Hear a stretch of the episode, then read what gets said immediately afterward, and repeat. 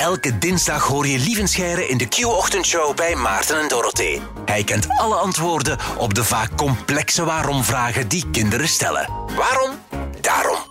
Het zijn moeilijke tijden voor mij. Ik probeer mijn job bij Q, het huishouden thuis en de zorg voor twee kinderen allemaal een beetje te combineren. Maar ik moet dat doen met een zoon die zo hongerig is naar kennis dat hij om de twee minuten een vraag stelt. Een waarom-vraag, om precies te zijn. Hij trekt alles in twijfel en hij probeert de wetten van de chemie, de fysica, de aardrijkskunde en de wiskunde te doorgronden met mezelf, een niet zo verstandige radio-dj, als gids. Ik heb hulp nodig en met mij nog heel veel andere mensen, want uh, superveel kinderen hebben waarom-vragen waar je als volwassene het antwoord niet op kent. Enter Lieven Scheire. Lieven, goedemorgen. Een goedemorgen. Hallo. De leergierigheid van kinderen, het is eh, vervelend, maar eigenlijk toch ook wonderlijk, hè, Lieven? Ja, het is fantastisch. Vooral, allez, de, de grote truc vind ik is om dat niet af te leren. Ja. Om dat te blijven doen. En, uh, en zeker nu met het, met het internet en met de, de vele uitlegwebsites die je hebt, is het dan heerlijk om zowel je eigen vragen als die van de kinderen gewoon op te zoeken. Hè. Ja, ik heb wel een alternatief voor jou, uh, Lieven. Ik ga, dat, uh, ik ga het meteen eerlijk bekennen. Google. Maar Letterlijk dan. Dus je zegt inderdaad opzoeken, maar ik vraag het dus aan die Google Home. Bijvoorbeeld, ah, is super, Peter? Celi Ja. gezond? Vraagt mijn zoon dan. Dan zeg ik, hey Google, is Peter Celi gezond? En voilà, dan krijgt hij een antwoord van Google. Niet altijd even helder uitgelegd, dus ik denk dat jij dat ook beter gaat doen. Maar ja, om maar te En zeggen het hoe, toffe- hoe, ver ik zit. Ja, het toffe is natuurlijk dat jij nu net gezegd hebt: Hey Google, is Peter gezond? Waardoor bij duizenden my mensen thuis sorry. nu Allee. een toestel aan het antwoorden is. Excuses. Maar gelukkig valt dat nog mee, want het zou veel vervelender zijn als je zou zeggen: Hey Google, bel mama. Hè, Dat is vervelender. Dus Stop, stop, stop, stop. Kom, allee, dat is Blijft goed, hè? Enfin, we gaan eh, deze week, als dat goed is voor jou, lieve, het antwoord zoeken op deze vraag die ik onlangs kreeg van mijn zoon. Waarom kan ik alleen maar auto worden en niet ja, een fantastische vraag. En eigenlijk valt die vraag op heel vele manieren te beantwoorden. De vraag is, ja, het is zo'n vraag die je kan beantwoorden, maar waar je ook gewoon samen over kan verder denken, zonder dat je direct het antwoord vindt, natuurlijk. Eh, voor het hier te filosofisch wordt. Laat ons gewoon bij het menselijk lichaam blijven. Hè. Het menselijk lichaam wordt ouder. Wat er eigenlijk gebeurt als wij ouder worden, dat is onze cellen die minder goed werken. Ons lichaam bestaat uit cellen. En cellen worden bestuurd door ons DNA, onze DNA-code. Die maakt daar eiwitten voor. En bijvoorbeeld uw huid. Dat is typisch iets wat je merkt als je ouder gaat worden, dat je huid minder elastisch wordt. Bijvoorbeeld dat daar rimpels in komen. Dat zijn eigenlijk de, de cellen die zichzelf niet meer zo goed vernieuwen. Dus je zou kunnen zeggen, je wordt ouder omdat uw cellen schade oplopen. En natuurlijk, schade omdraaien, dat is moeilijk. Dus jonger worden zou eigenlijk willen zeggen, al uw cellen onmiddellijk terug herstellen naar hun optimale omstandigheden. Er zijn dieren die dat kunnen. Er zijn dieren die jonger kunnen worden. Echt? Oh.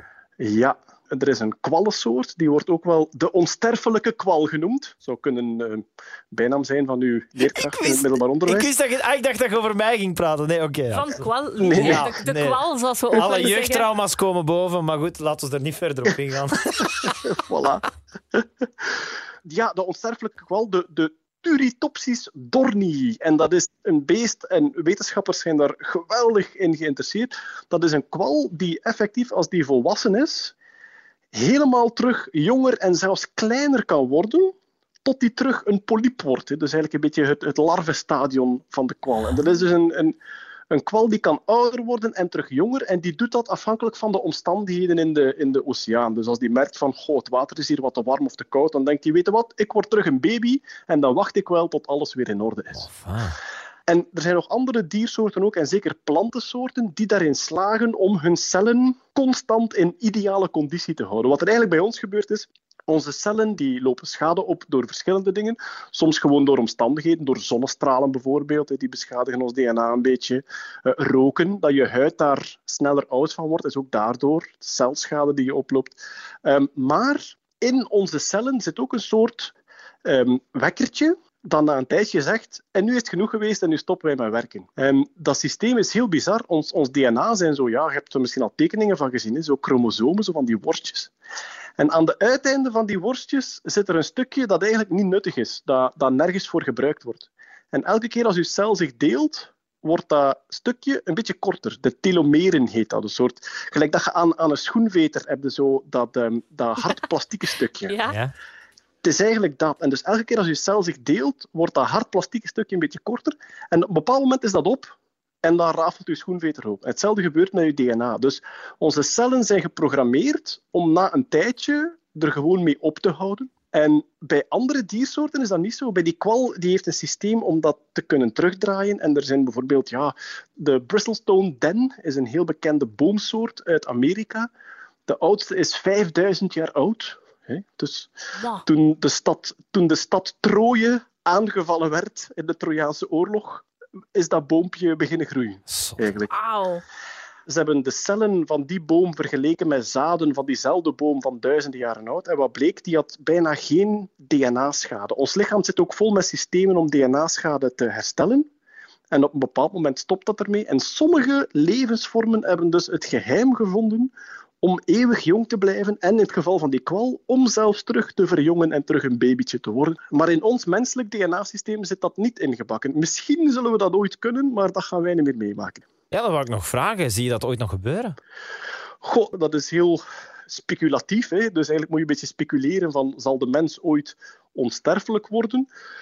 Ik zie geen enkel technisch bezwaar. Hè?